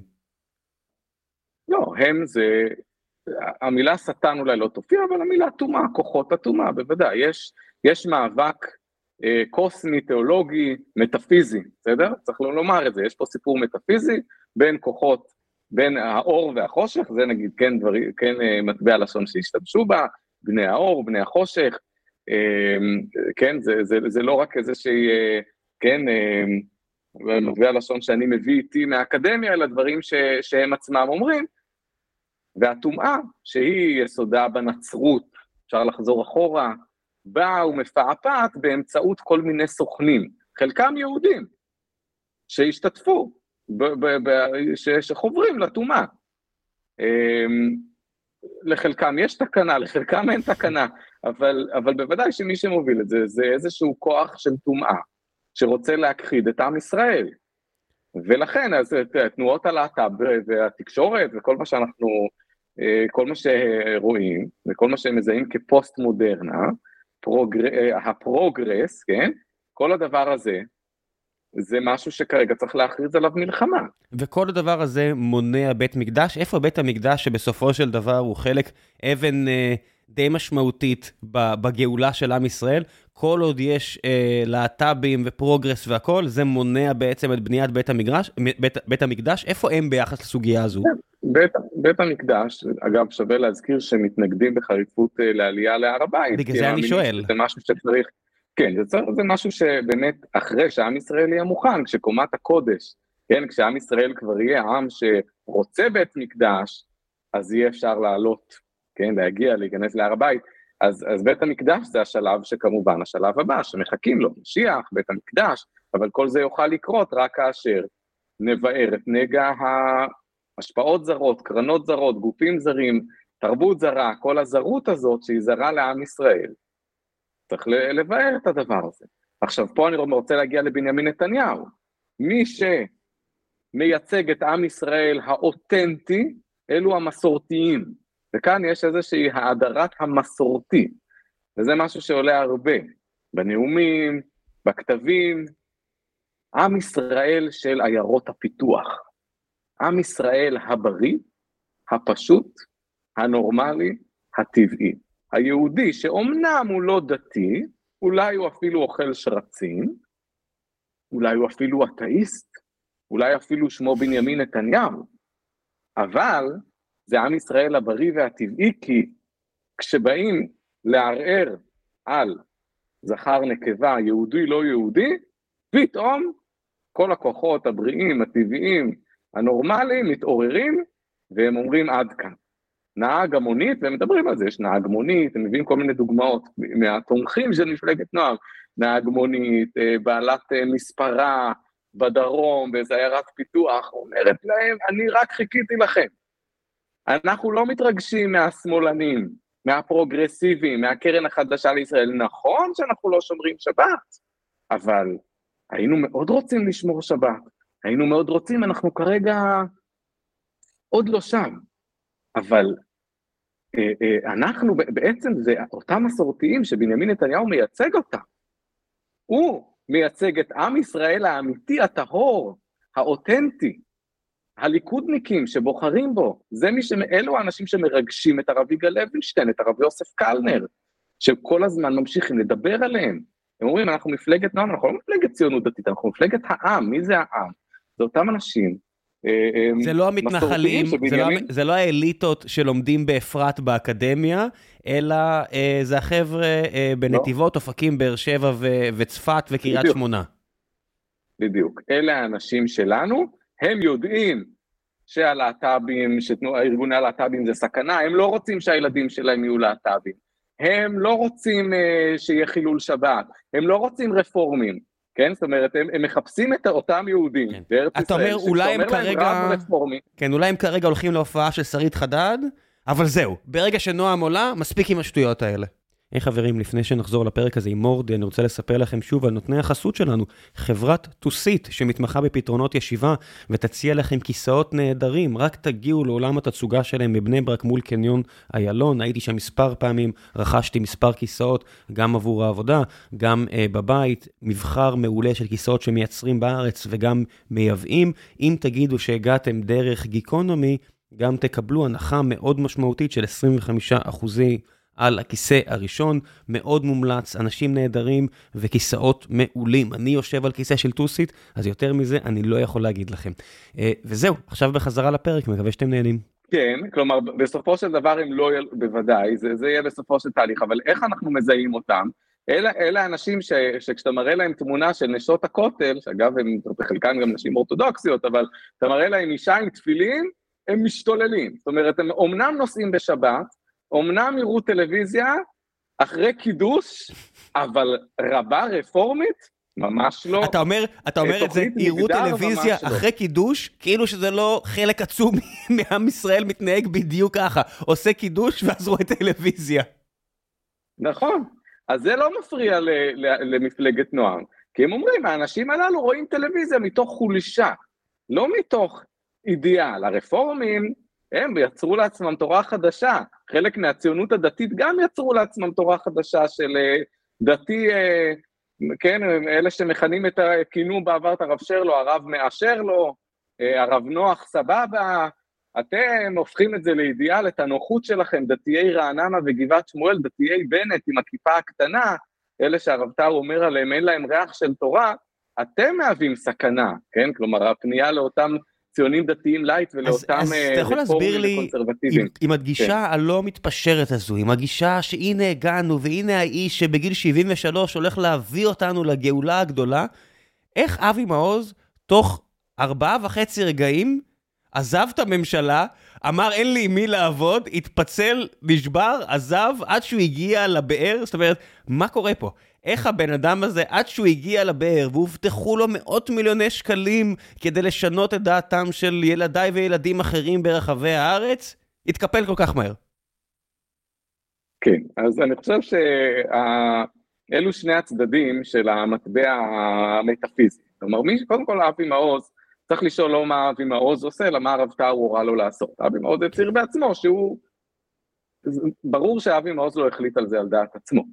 זה דבר שהוא, אה, כן, שצריך להדגיש אותו. עכשיו, הרב טאו שרואה את הדברים אה, במשק... ב, כן, באופן מטאפיזי, הוא מבחינתו רץ למרחקים ארוכים. He's here to stay. ולכן, okay. אוקיי. אה, אם הוא מרגיש... מי, ש... מי שנולד ב-36 אה, צריך להכיר בזה שהוא לא here to stay, אבל בסדר, זה כבר עליו. הוא, התלמידה, כן. תלמידי תלמידיו. בסדר כן, גמור. אז, אז הוא אומר, ו- ואבי מעוז, דווקא כיוון צריך לקחת אותו ברצינות, ואני חושב שגם זה משהו שהזכרתי ב- בכתבה במוסף הארץ, דיבר על זה שאם הוא תוך איקס חודשים לא יצליח לחולל שינוי, הוא קם ועוזב. אבל איזה איקס חודשים? אז... עברו, עברו ארבעה וחצי רגעים. אנחנו סך הכל שלושה חודשים מאז שהממשלה הזאת פחות או יותר הוקמה, והוא כבר התפטר מזמן. הוא הרגיש שהוא לא מצליח, כמו ש... אם נחזור רגע אחורה, הר המור לא רצו להיכנס לפוליטיקה, הם לא רואים בפוליטיקה איזושהי ערך. בהתחלה אמרו, נצביע למפלגה דתית-לאומית, אבל הם מבחינתם רק החמירו את המצב. אמרו אחרי זה נקים מפלגה, מפלגת יחד, עם החרדים, אלי ישי אה, ונציג שלנו, לא עברו את אחוז החסימה. נצביע לחרדים, לא קידמו. לא הייתה ברירה, אז צריך להקים מפלגה. עכשיו, המפלגה עצמה, אם היא תצליח לק... ל... ל... ל... למשל, אה, כן, להשפיע על מתווה הכותל ועל אה, שבת וכשרות וחיזוק מעמדה של הרבנות הראשית, מצוין. אם לא, אנחנו לא נהיה פה. זאת אומרת, זו, זו האמירה. איפה נהיה? איפה שאפשר יהיה לשמוע אותנו, נשמיע את קולנו. אה, נאומי הנדסת התודעה, אבי מעוז התגעגע אליהם. זאת אומרת, הוא רצה לחזור לכנסת כדי להצעות חוק, דברים שהוא לא יכול היה לעשות בתפקידו. אה, האם החל, החל, אה, החלום של שר החינוך עדיין קיים? הרשות, הרשות לזהות יהודית, כל זה בוודאי עדיין קיים, רק הוא הרגיש שידיו כבולות. אז פה גם צריך לתת לו קרדיט על זה שהוא אכן, הוא אמר, אני לא מחפש את הג'וב, הוא אכן לא מחפש את הג'וב. הוא רוצה לעשות שינוי משמעותי, הוא רוצה שלא תהיה הפרדת דת ומדינה בישראל. ואם הוא לא, ואם הוא לא יכול להתקדם לשם, הוא יחזור לכנסת, להצעות חוק, לנאומי הנדסת התודעה, ימשיך לפעול וינסה להתמודד שוב בבחירות הבאות, בתקווה שכוחו יגדל, עד שהוא כן יוכל להיות שר החינוך. אני יכול אה, לשאול שאלה שקשורה ולא קשורה? זאת אומרת, יש פה הרבה עניין של ערכים והכול. Uh, לאחרונה ראיתי, בשנה, שנתיים האחרונות ראיתי את הסטטיסטיקה המזעזעת, וזה כאילו לא קשור, אבל זה כן קשור, את הסטטיסטיקה המזעזעת על פגיעות מיניות בקרב הציבור הדתי uh, בישראל. זאת אומרת, זה מעבר לייצוג שלהם באוכלוסייה. אנשים יגידו זה הרבה, כי בסדר, יש 20 ומשהו אחוזים, לא 40 אחוז מתלמידי כיתה א' הם חרדים, אבל יש 20 ומשהו אחוזים. Uh, מן הסתם 13 אחוז מאוכלוסיית ישראל הם חרדים, uh, ויש המון, המון פגיעות מיניות. זה משהו שהקו, אה, אה, ישיבת הקו, והר המור, וכל החבר'ה האלה מתעסקים בו, כי, כי זה בסוף גם אצלהם, אני מניח, או שזו התכחשות טוטאלית לדבר הזה, כי הרי פדופיליה וכל הדברים האלה, הם סטייה מהקו. הם לא משהו מן הסתם שמקובל, מצד שני זה משהו שקיים, אבל זה בקרב אנשים שהם חלק מה, מהזרם הטוב, אז, אז מה, מסתירים את זה? לא מתייחסים לזה? זאת אומרת, איך, איך, איך, מתייח, מה, איך, איך מסתכלים על דבר כזה? אוקיי, okay, זו גם שאלה מצוינת, אני אענה ותגיד, אענה ותגיד לי גם אם אני... לא, הכל, עם, עם הכל מעניין, כמו שאתה אומר זה מעניין. אז כן. אני חושב ש... תראה, פה צריך לדבר על...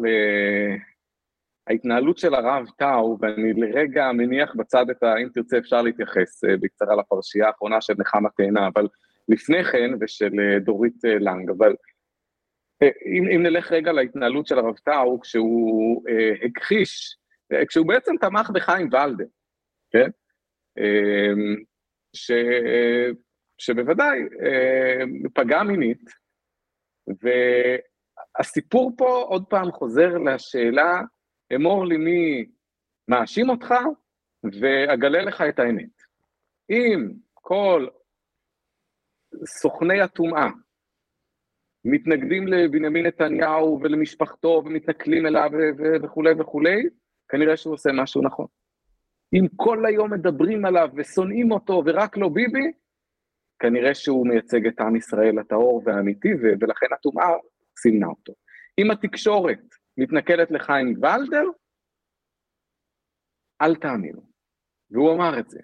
אה, חיים ולדר התבטא פעם נגד מערכת המשפט, חיפשו את הראש שלו, הכל, הכל תלונות שווא, הכל, הכל אה, מומצא. אז קודם כל כבר יש איזושהי אה, אה, הכרה אה, של אנשי הר המור בכך שמה שאתה רואה זה בוודאי מה שרוצים שתראה, אבל לא האמת. יש דברים שמתרחשים תחת לפני השטח, וכך גם עם הנשיא קצב, כן, אה, שזכה למכתב תמיכה. מהרב טאו, כן. מהרב שלמה אבינר, כן? אמ, עכשיו, אם אנחנו מדברים על אנשים מהקהילה עצמה, בוודאי שיש, אה, כן, התנגדות, אה, כן, יש לי משפחה שהם חלק מהקהילה, בוודאי ש, שיש התנגדות לפגיעות מיניות. איך מטפלים בזה? אז גם פה יש חשדנות רבה כלפי בעלי מקצוע. בוודאי אם הם או חילונים, או שהם למדו, התחנכו פסיכולוגיה, פסיכולוג ש, שקיבל את הסמכתו באוניברסיטה, זה קשור להתנגדות למדעי הרוח ומדעי החברה כמדעים שהם מדעים נוצריים, אלו מדעים שהם הם, הם טמאים והם מרושעים ומושחתים מיסודם, ולכן הרבה פעמים, כן, תהיה איזשה, יהיה איזשהו ניסיון לסגור דברים בתוך הקהילה. איך אפשר להאמין במה שאמרת עכשיו, ולה, ולהיזכר בכך שלאדם הזה יש ניטשה בשירותים, או לא יודע מה, איזה אוגטה, או לא יודע מה בסלון? אם זה הכל מרושע כן. וטמא ומזעזע. הרב טאו רוצה להכיר את הדברים הללו, ובוודאי שלא לכל אחד מותר. התלמידים שלו וגם רוב הרבנים לא קוראים את הטקסטים האלה. הרב טאו עצמו הוא בדרגה כזו של קדושה ושל טהרה, שהוא יכול להיחשף לתכנים האלה בבחינת דע את האויב, ולספר לנו מה עומד מאחורי הרשעה הזאת. אבל הוא לא מחזיק ניטשה מתוך הערכה לניטשה. הוא לא, כן? בל נטעה, זה לא שהוא מעריך אותו, ושוב, אני לא יודע אם הוא מחזיק ניטשה, אבל כל לא אתפלא אם כן, ניטשה, אבל בוודאי ש... אז היידיגר, זה, אז, כן. לא, אז לא ניטשה, אז היידיגר, מישהו שיותר אה, מתאים ל, ללאומיות, אני יודע מה, בסדר. כן, אז הוא... הוא רוצה, לה, הוא רוצה לדעת מה קורה, איך, איך הם פועלים, הרב טאו... אה, הוא מדבר עברית או יידיש? מדבר... סלח לי על השאלה הארצית. הרב טאו, הוא מדבר עברית, הוא מדבר עברית. אבל הוא מבין, מן הסתם הוא משפחה גרמנית, אז יידיש לא זרה לו. יידיש מבחינתו זה, זאת אומרת, אפילו ברמה היומיומית, השפה עצמה, עברית זה משהו קדוש, זה משהו שצריך, או שכמו בחצרות של הליטאים והחסידויות, זה רק יידיש כי אנחנו עדיין לא שם וכו' וכו'.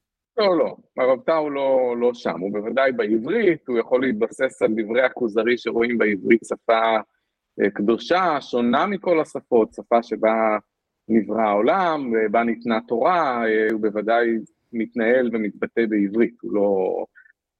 במובן הזה הוא נבדל מחלק מהחסידויות, כן. אמ, יאוזה. טוב, לפני שנגיע לשלב השאלות מן הקהל ומחכות לך כל מיני שאלות שאני ארצה להתייחס אה, אליהן, אוקיי, כן. אה, רציתי אמ, קצת לשאול על כל התפיסה של ישיבת הר המור בתור אה, קצת כת.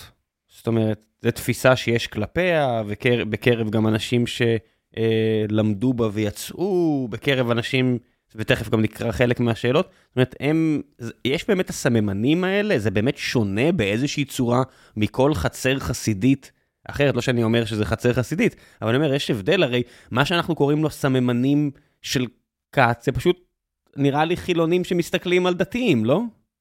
או שאני טועה, וספציפית בהר המור יש יותר ממשהו.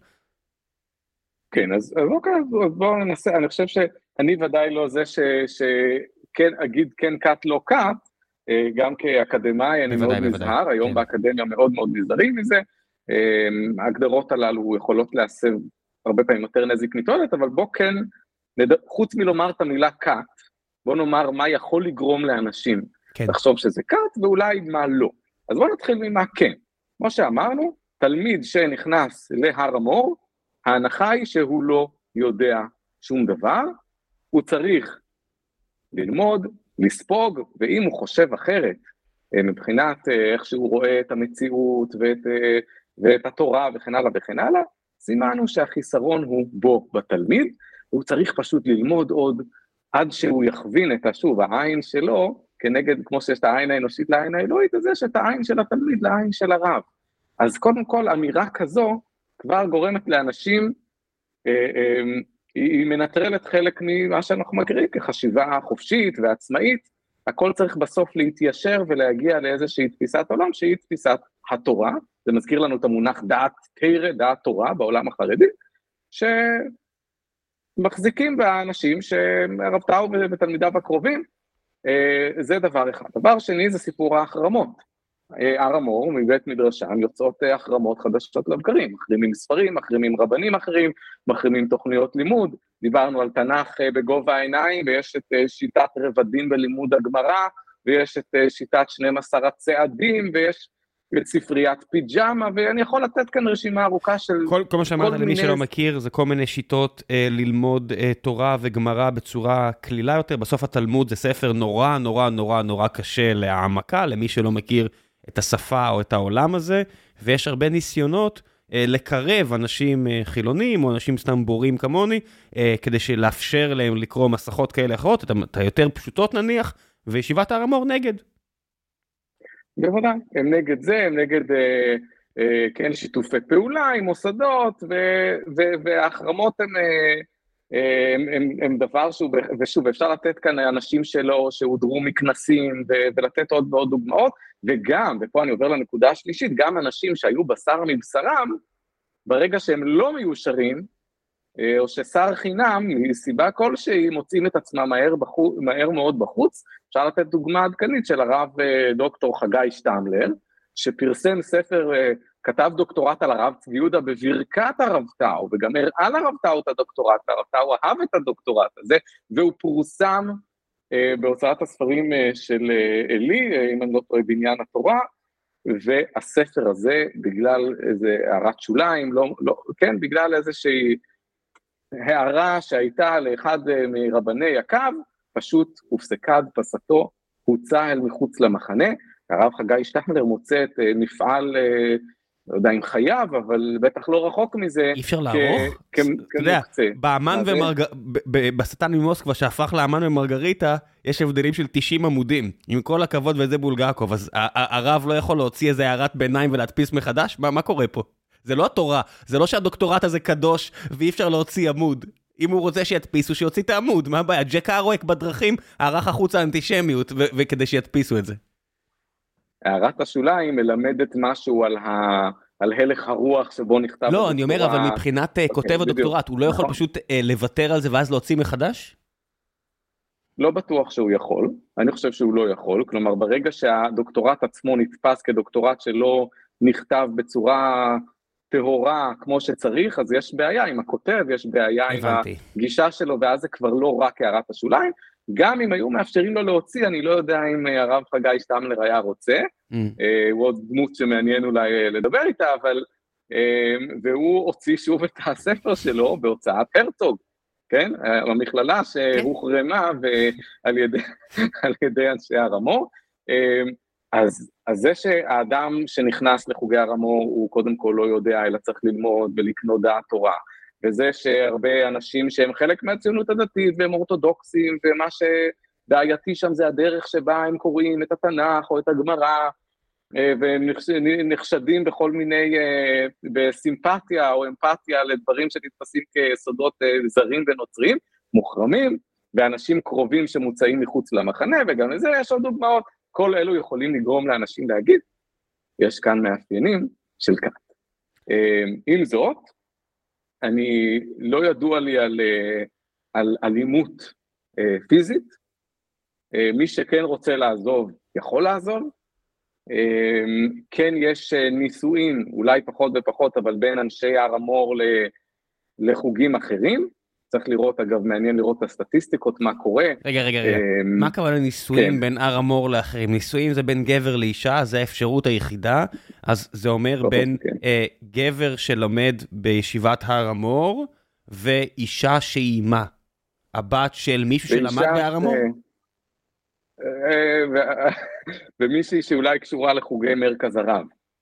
סליחה. אני לא מדבר עכשיו על... אה, לא, אני לא מבין, הרי אין נשים בישיבת הר המור, אז מה זה אומר... אה, לא, יש נשים, יש מוסדות אה, לימוד לנשים שמנוהלים על ידי אנשי הר המור, מדרשת הרובע זו דוגמה אחת, וכמובן שיש נשים ש, שגדלו בבתים הר המורניקים, כן, בבתים שנאמנים לתורת הרב טאו. אז כן אפשר למצוא חתונות בין משפחות שונות בציונות הדתית, כולל עם הר המור, אני מניח שפחות מאשר בקרב חוגים אחרים שמתחתנים אלו עם אלו. אמ, טוב, הם, הם משרתים בצבא, אבל, אבל כן, יש, יש שם התנהלות שהיא מאוד uh, סגורה, היא מאוד היא בדלנית, היא טהרנית, uh, בוודאי. אני יכול להבין למה אנשים מסוימים uh, ירצו להגדיר אותם ככת. זה, זה מצחיק שכל הדיבור בחודש, בחודשים האחרונים בישראל, החודשיים שלוש האחרונים, זה נגד האליטות, האליטות. זה נשמע כמו די אליטה בעיני עצמה.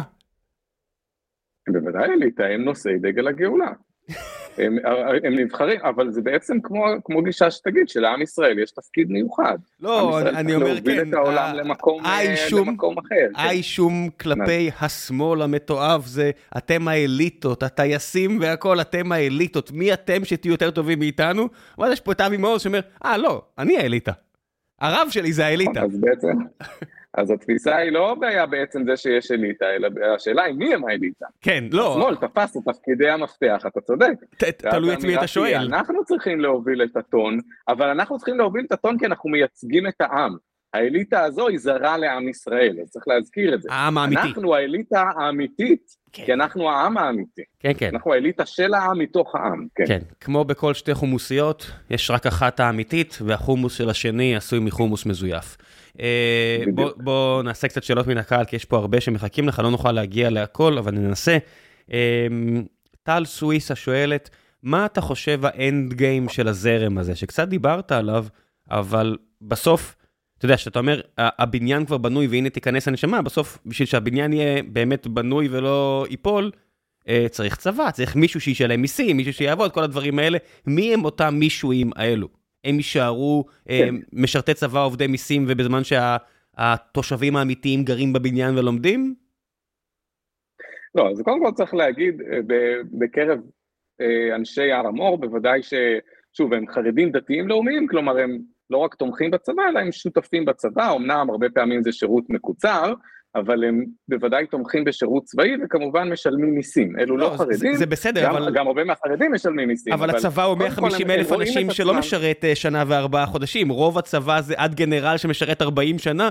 זאת אומרת, מי הם אותם אנשים בצבא אה, בעתיד האוטופי? זאת אומרת, אם יש גאון, אליטה, שרואה את העתיד, באותו עתיד שלו, מי הם אותם 140 אלף אנשים שיחזיק, שישמרו עליו?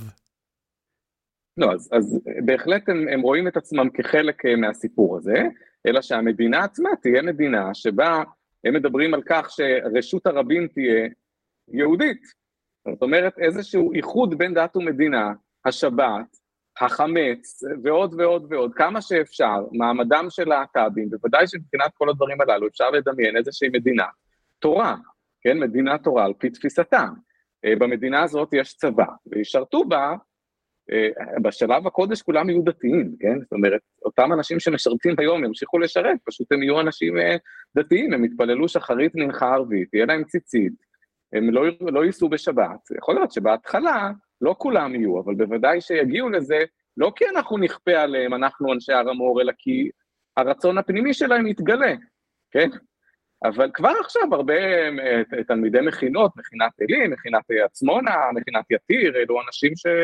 שפחות או יותר ממשיכים את דרכו של הרב טאו, דווקא מבחינה צבאית אה, הם שם, ו- וכולם הצטרפו אליהם, מבחינת האמונות, מבחינת הפרהסיה, מבחינת איך שהמדינה תיראה.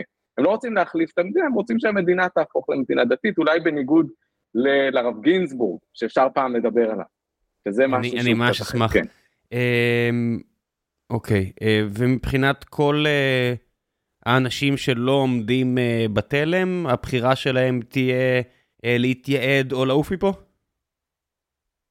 מה זה אנשים שלא עומדים בתלם? יהודים שלא... העשרה אחוז באוכלוסייה שהם להט"בים, השבעה עשר אחוז שהם ערבים, החמישה אחוז שהם נוצרים, אתה יודע, כל, כל החלק הזה במדינה שלא יכול לעמוד בסטנדרטים של האליטה מהר המור. כי הם פשוט נולדו כן, אחרת. כן, זו שאלה טובה.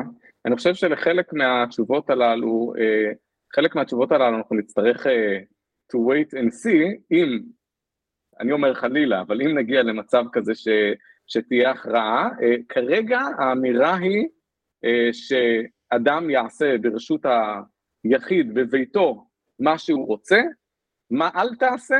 א', אל תצא לרשות הרבים ותפגין איזושהי זהות שיש בה כדי לערער על אותה אנושיות, יסודיות, אה, נורמליות, בריאות, טבעיות, כלומר, איזושהי, אל תניף דגל להט"בי. מה זה אל תניף דגל? אבל אם יש לי מואזין ביפו, מה, מה קורה עם המואזין ביפו? זאת אומרת, הייתי נגיד, אני, אני לא, זה לא רק אצל ישיבת הרמות, נגיד ביקרתי ברג'ר, בכפר שם בצפון, והם אמרו לי, גם אצלנו אנחנו מאוד דתיים, אבל מי שרוצה בבית שלו, זאת אומרת, אם מישהו יתחתן עם מולדובנית כי הוא למד שם רפואה והוא הביא אותה לכפר, מותר לאישה לחזור, אסור לגבר להגיע זה, אז אם הגיעה, היא יכולה להיות נוצרייה, אבל בבית שלה. אבל מה קורה ב- ב- שכל המדינה היא חלק מאיזושהי מדינת הלכה? מה קורה עם המואזין ביפו? הוא עדיין שם או שהוא נעלם מהשטח? לא ניתנה לזה תשובה ברורה, לאור מה שאומרים, ההנחה שלי שרשות הרבים, יש מקום למיעוטים, זאת אומרת, לפי אותה תפיסת מדינה דתית, אה, או מדינה שמתנהלת אה, לאור התורה, ברוח התורה, יש מקום למיעוטים. אלא מה? הם צריכים להכיר במדינת ישראל כמדינת העם היהודי, הם צריכים להתנהג בצורה מסוימת, ובוודאי שיהיו מגבלות מסוימות. אה, אם יהיה מואזין, יכול להיות שיהיה, יכול להיות שינסו אה, למשטר את הווליום. הרעיון הוא שרשות הרבים צריכה להיות יהודית. האם יש מקום למיעוטים? יש מקום למיעוטים, אבל מקום... מקום uh, תחת, uh, כן. כל עוד זה לא בא בהתנגשות עם אותה זהות יהודית, כן? אני, אני לא חושב ש... כן. כן, אתה יודע, איך קראו לזה במד... בארצות המוסלמיות? דהמי? כל מי שלא מוסלמי, שישלם איזה מס. דמי חסות. כן, זה בסדר, הם יכולים להיות פה, רק תזכרו שאנחנו הבוסים, אנחנו האליטה. המדינה צריכה להיות מדינה יהודית על כל המשתמע מכך. ו, וצריכים ליישר עם זה קו, בוודאי. כן, כן. עדי שואל או שואלת, איך כל החיבור שם עם הקבלה והמיסטיקה היהודית הולך? שאלה מצוינת. אמ, בדלת האחורית, כלומר הרב טאו עצמו, מה זה? סימנתי לך כן, כמה נשאר, הרב כן. טאו, כן, כן, כן, כן. אז הרב טאו עצמו לא, לא, בוודאי, הוא עצמו לומד קבלה, הוא לא מלמד, הוא לא מעביר שיעורים בקבלה, אה, הוא לא, הוא לא עוסק בזה, הוא לא מעודד לעסוק בזה, קבלה מעשית בוודאי הוא יתרחק אה, מכל דבר כזה. אה, הקבלה נכנסת בדלת האחורית דרך אה, התורות של הרב קוק. הרב קוק עצמו, הרבה מההגות שלו היא נטועה בעולם החסידות והקבלה. אבל זה לא בא באופן ישיר על ידי הרב טאו, בניגוד לרבנים אחרים כמו הרב גינסבורג, הרב מנחם פרומן ורבנים אחרים שאצלם הקבלה יותר בפרונט. אבל הוא ביקורתי כלפי זה? הוא מתבטא כלפי זה? זאת אומרת, אה, הוא מבחינתו כתבי הארי וכל הדברים האלה זה חלק מהיהדות, פשוט הוא לא מתעסק בזה? או שיש... אה, אין, אין ביקורת כלפי הדברים האלה? לא. יש ביקורת כלפי קבלה מעשית, אין ביקורת כלפי הקבלה עצמה, זה תורת, תורת הנסתר, פנימיות, פנימיות התורה, התורה האמיתית, הוא בוודאי לומד בעצמו, אה, אבל אה, זה לא משהו שמדריכים על פיו, זה לא משהו שמותר לאדם אה, פשוט ללמוד, זה משהו שהוא מאוד מסוכן. במובן הזה הוא נאמן גם למסורת מסוימת, שרואה כן. בתורת הסוד פרדס מסוכן, שלא כולם יוצאים ממנו בשלום. כן. הוא בוודאי לא רוצה להנכיח את זה ולהבליט את זה. אני מכיר את זה מחברים מבאר שבע, את האמרה הזאת של אל תיגע בסוד, פן לא תחזור, כל מיני כאלו. נכון. כן, אה, אוקיי, בוא נעשה עוד קצת. אני מודה שעוד כילד שמעתי את הדברים האלה, אמרתי, טוב, זה נשמע לי מוזר, אבל שיהיה לבריאות. אה, חן מור שואלת, זה שאלות מאוד ארציות, אבל אתה יודע, בסוף אנשים מאוד לחוצים כרגע, ואני ממש מבין את השאלות האלה. איזה חברי כנסת דתיים לא ילחצו יד לאישה? בש"ס והחרדים כולם לא ילחצו.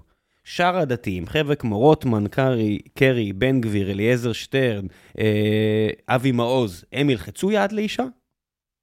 שטרן כן, אבי מעוז לא, סמוטריץ' לא, אה, רוטמן לא. פה החלוקה תהיה בעיקר בין הציבור החרד"לי, אה, אנשים שהם לרוב יוצאי מרכז הרב ובנותיה והר המור ובנותיה, אנשים שנאמנים לדרכם של הרבנים קוק, אה, שבביתם נגיד לא נמצא טלוויזיה, תנועות הנוער נפרדות, אה, היום יום שלהם הוא הרבה יותר, אורחות החיים מבחינה הלכתית ומבחינת תפיסת העולם יותר דומה לחרדים, לכן האנשים הללו יימנעו מלחיצת יד עם אישה. אה, יכול להיות שבמקרים חריגים כן, אבל ככלל הם לא ילחצו יד, ואחרים שהם דתיים יותר שייכים לאגף הליברלי, כמו שטרן, בנט בוודאי, אה, הם כן ילחצו יד אה, לנשים. בוא נעשה עוד מעט שאלות ונסיים. טל יומל שואל, מקווה שלא נשתי מדי. למדתי בישיבת לוויין במצפה רמון של הר המור, והייתה מודעות מאוד גדולה לתפיסה של ישיבות הקו ככת, אה, שוב העניין הזה. למשל, הבדיחה על ספרי האמת איתנו. עד כמה יש לזה מודעות בהר המור עצמה? אני לא בטוח שאני יורד לסוף, עד כמה הר המור אה, מודעת לתפיסה שלה, לא, עד כמה הם מודעים לתפיסה אה, מבחוץ, בישיבות הלוויין, אני מניח.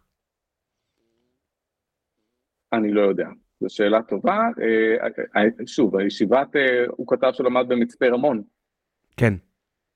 אז אם הכוונה היא לישיבה של הרב צבי קוסטינר, אז זו ישיבה, כן, מדבר כעדן, זו ישיבת קו לכל דבר ועניין. אם התלמידים שם בחדר האוכל צחקו על הר המור, זה מין, זה הומור פנימי. זאת אומרת, זה משהו שלא הייתי מתפלל לשמוע, שאולי אפילו... כן. כן, זה הומור פנימי, אז אני מניח, התשובה שלי תהיה שאם בחדר האוכל במצפה רמון של הרב צבי קוסטינר, שהוא בשר מבשרה של הקו, אגב, הוא אחד האנשים שראיתי בשיעורים של הרב טאו בביתו, יושב על הרצפה למרגלות הרב טאו, כן? זה, אלו אנשים שהרב צבי קוסטינר היה זה שלפני, מה זה היה, שנה, צעק, יצא, פורסם סרטון שלו צועק, הומואים הביתה, הומואים הביתה, אני לא יודע אם, אם זוכרים את זה פה, אז, אז אם שם צוחקים על הר המור ככת, אז אולי בדיחות ברוח דומה אפשר יהיה לשמוע גם בהר המור עצמה, כן? זה כבר, זה קרוב מדי. זאת תהיה התשובה שלי, אבל... הוא ממשיך ושואל... זו השערה. איך מסבירים, כן. אה, ב- איך אתה מסביר בעיניך את הפער העצום בין זה שמאחורי האידיאולוגיות הקשוחות והבלתי מתפשרות, עומדים הרבה פעמים אנשים טובים ועדינים מאין כמותם. זה באג או פיצ'ר? נכון. זאת אומרת, כן, אם אתה רואה... אה, תנועות אה, היסטוריות ברחבי האנושות של אה, קשיחות אידיאולוגית. זה, זה תמיד מגיע גם עם איזושהי תפיסה גברית מאוד, מצ'ואיסטית של אה, קשיחות, וגם עם מנהיגים כאלה ואחרים של התפיסות האלה היו אנשים קטנים וחלשים פיזית, הם עדיין ניסו לתת לעצמם את הנופח הזה. זאת אומרת, מפוטין, שהוא איש קטן וחלש כנראה בסך הכל, מנסה להציג את עצמו רוכב על דוב בלי חולצה, ועד לכל הדוגמאות בהיסטוריה, גם מוסליני כנראה לא היה מחזיק בקרב אגרוף, אבל אה, רוצה להציג את עצמו בתור גנרל קשוח. זאת אומרת, אצל ישיבת הר המור, אין את הפוזה הזאת, אין שום רצון להראות קשיחות. כן, אז זו גם שאלה מצוינת. אני מסכים בוודאי אה, יש, ויש, זה משהו שמתעתע, אני זוכר שיצא לי פעם לפגוש באופן אישי את אה, יגאל כנען, שהיה אחד המועמדים למפלגת נועם, ועד אז רק קראתי דברים שלו ודמיינתי אדם שהוא תקיף מאוד ואולי אדם אה, בלתי נעים.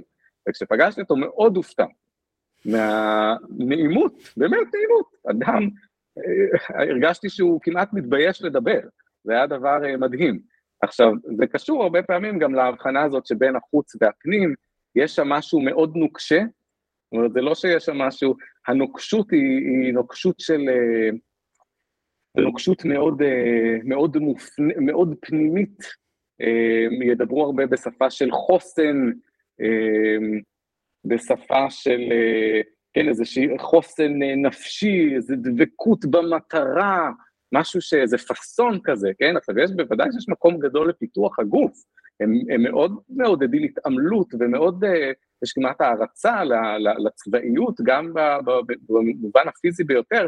יגאל כנען ואחרים מדברים על הקרביים באיזושהי, החייל הקרבי שמוביל, אבל אותו החייל קרבי הוא גם אדם שהוא מאוד מאוד עדין.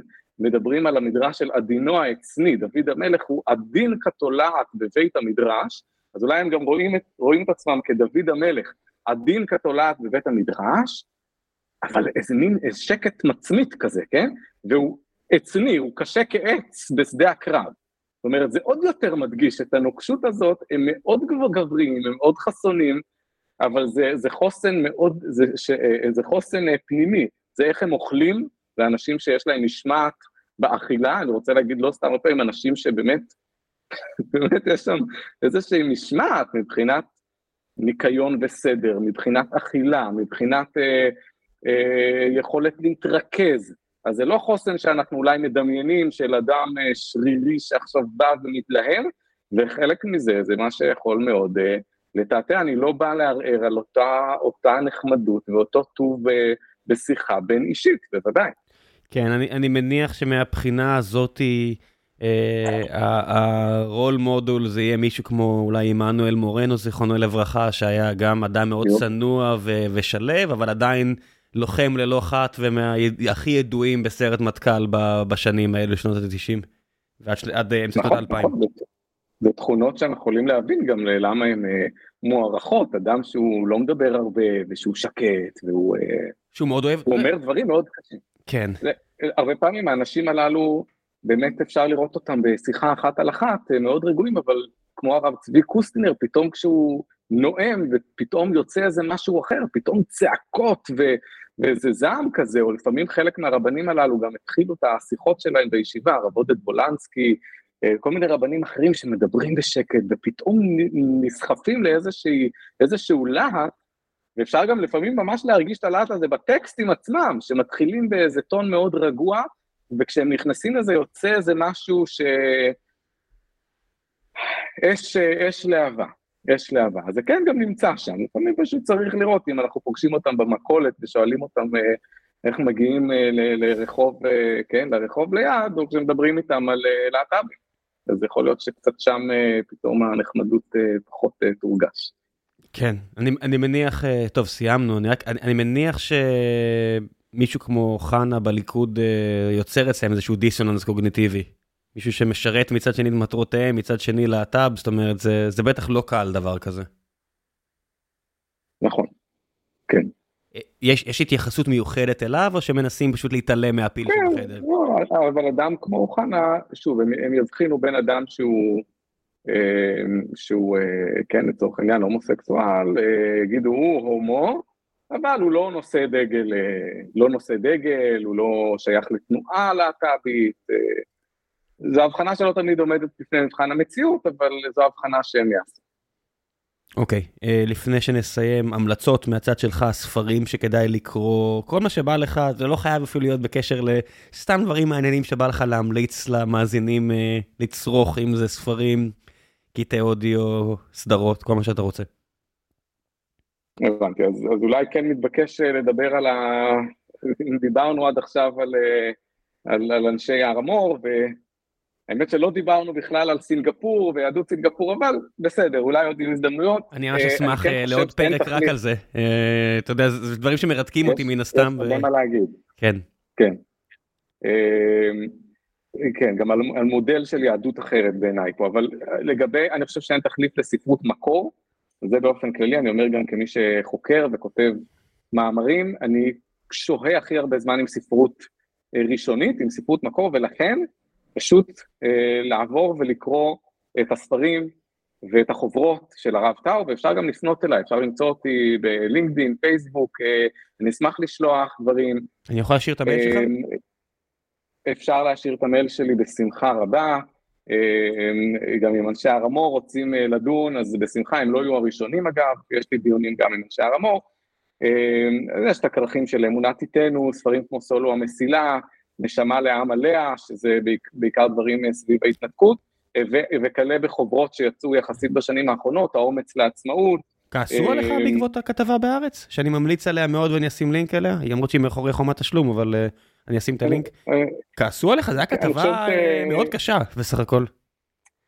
אני חושב שכעסו פחות ממה שחשבתי, אני חושב שההגונים שבהם הרגישו שאני אכן מבטא נאמנה את תפיסת עולמם. כלומר, כן, יש קוראים מאנשי הר המור שיכולים לקרוא ולהגיד נכון, באמת אנחנו בתהליך גאולה, באמת טומאה מתעוררת, באמת הפוסט-מודרנה היא, זאת אומרת, הם יחתמו על מה שאני אומר, הרבה אנשים כעסו על השער של מוסף הארץ, אה, שמטבע הדברים לא, לא נוסח על ידי, אבל אה, על זה בעיקר היה, היה הכעס. אה, אבל על התוכן עצמו, לא.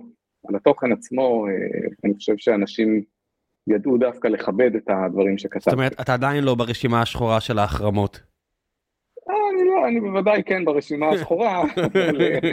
אה, מישהו אמר לי שקראו לי רשע, אבל זה עוד לפני, ה... באופן כללי יש אה, פקפוק, יש, אה, אי אפשר, הם לא מוכנים לקבל את זה שאדם שנחשב מבחוץ, כמובן שתמיד מי שאומר דברים מסוימים מיד מתויג כמבחוץ, כי זה גם הרי עניין יחסי, מבחוץ, מבפנים, הרי אני יהודי, אני ישראלי, הייתי, אז מה הופך מה זה יהודי? אתה, כאילו, כן. אתה אדם דתי, זאת אומרת, אני הרבה יותר מבחוץ מאשר כן. אתה. כן, אז אה, בוודאי, אני, אבל מי ש... מי שינתח את הדברים בצורה ביקורתית כבר הופך להיות מי שממית את הטקסט, הוא כמו אדם ש... כן, הוא אומר, המנתח שהרג את המטופל. אז הם לא מוכנים, וזה בלתי אין, זה משהו שהוא... הנחת המוצא היא שאין מה להקשיב, ואין מה לקרוא, ואין מה להתרגש, ואין מה להתייחס, כי, כי הת... הכל מת ברגע שזה הגיע לידיים שלי. לא רק שלא אני מורדי, אלא כל חוקר אה, באשר הוא. אה, יש גם על זה מה להגיד, אבל נראה לי שתם זמננו, אז אה, כן. אני, אני מבטיח לכם, מאזינים, שאני אנסה לשכנע את מורדי להגיע לפרק נוסף, נראה לי שיש הרבה עוד מה לשמוע אותך, ממש תודה על הזמן שהקדשת, אני מאוד מאוד מעריך את זה. תודה רבה על שיחה מעמיקה ונעימה, ואני מאמין שעוד ניפגש. כן. תודה רבה למאזינות ולמאזינים להתראות.